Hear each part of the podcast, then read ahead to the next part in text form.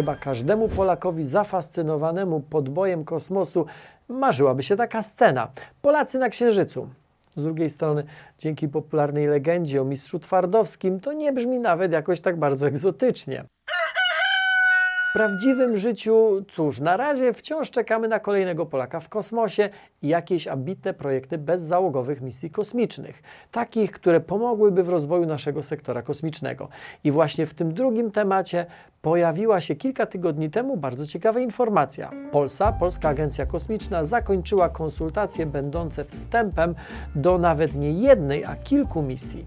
Ich celem miałby być właśnie Księżyc. W badaniach wzięło udział 40 podmiotów, a w wyniku prac wyłoniono cztery koncepcje misji przeznaczone do dalszego rozwoju. Pierwsza to orbiter z instrumentem Mirrores, który przy pomocy fal podczerwonych będzie poszukiwał, przeszukiwał miejsca bogate w pożądane przez Ziemię surowce. W ramach eksperymentu Peter, to drugi, ma być badana mechanika gruntu księżycowego. Ze względu na niską grawitację naszego satelity wciąż jest tu wiele zagadek, które wypada, wypadałoby rozwiązać, no, szczególnie przed rozpoczęciem tam budowy stałych baz.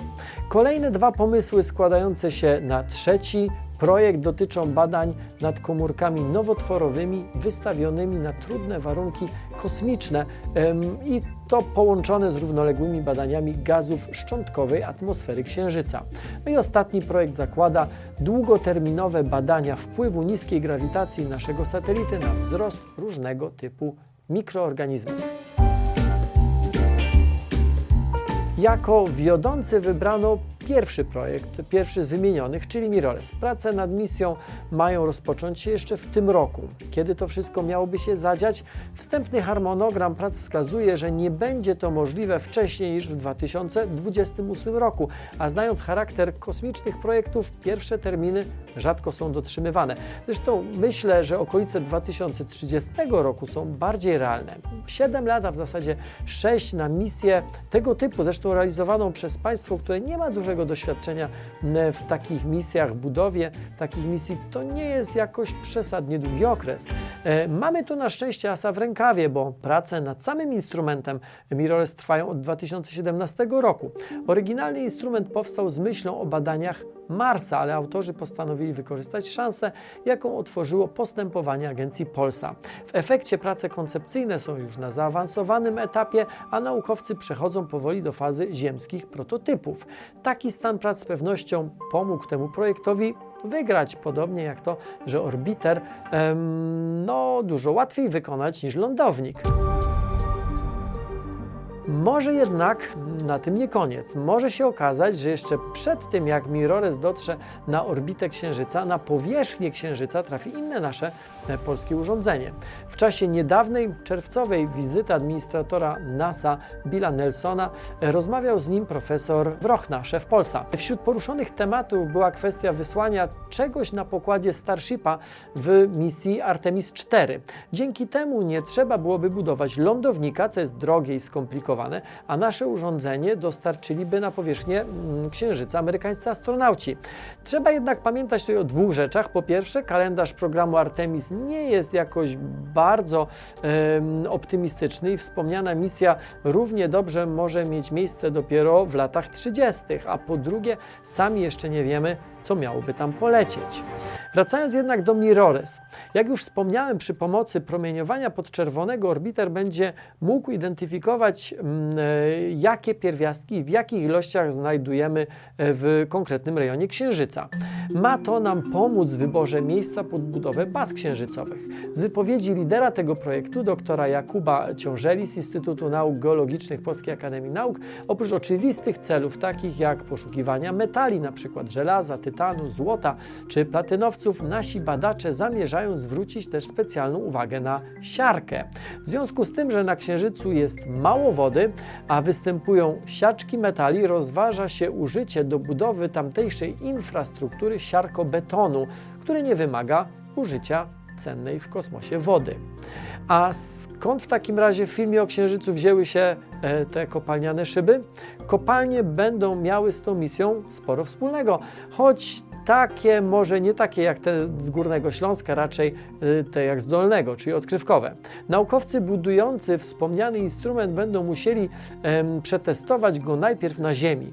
E, zamierzają to zrobić przy pomocy drona, który z powietrza będzie przy pomocy mirrorless wyszukiwać tak zwanych wychodni siarczków, czyli miejsc, w których złoża minerałów zawierających poszukiwany pierwiastek wychodzą na powierzchnię Ziemi.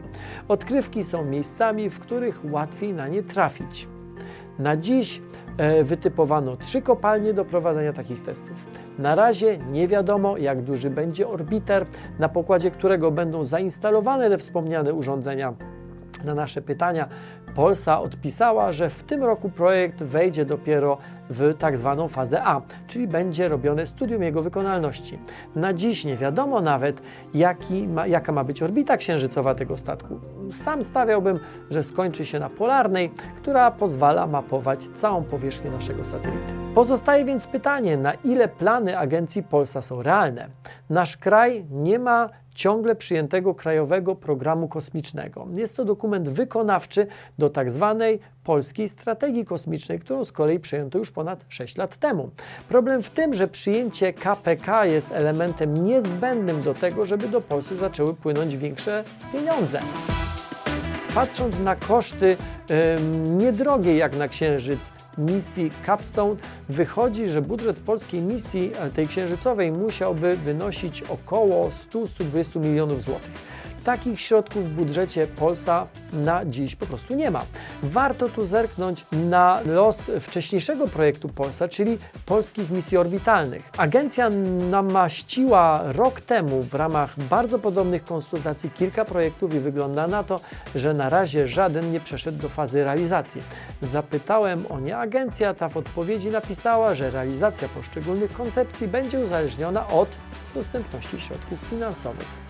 Pytanie, czy w końcu dogonimy mistrza Twardowskiego pozostaje więc otwarte, ale nadzieja jest.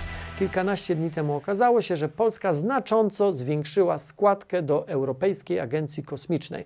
Dotychczas byliśmy państwem, które w przeliczeniu na mieszkańca na technologie kosmiczne przeznaczało najmniej z całej agencji.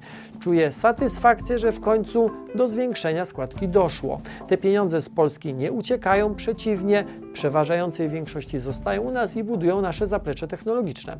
Trwają też poważne starania o to, żeby Sławosz Uznański znalazł się na Międzynarodowej Stacji Kosmicznej. Myślę, że wcześniej czy później tam się znajdzie. Te i wiele innych inicjatyw bardzo mnie cieszą, bo moim zdaniem, nie tylko moim, nowoczesna gospodarka nie może się rozwijać bez wiedzy. Nasza gospodarka jest wciąż w zbyt dużym stopniu oparta o tanią siłę roboczą, a nie o nowoczesne technologie.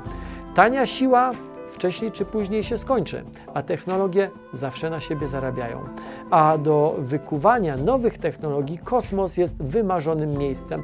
Tym bardziej, że mamy najważniejsze elementy tej układanki mamy ludzi, świetnych i zmotywowanych naukowców i inżynierów.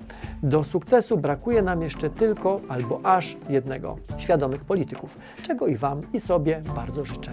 Nauka to lubię od 10 lat, nie tylko na Facebooku i YouTube.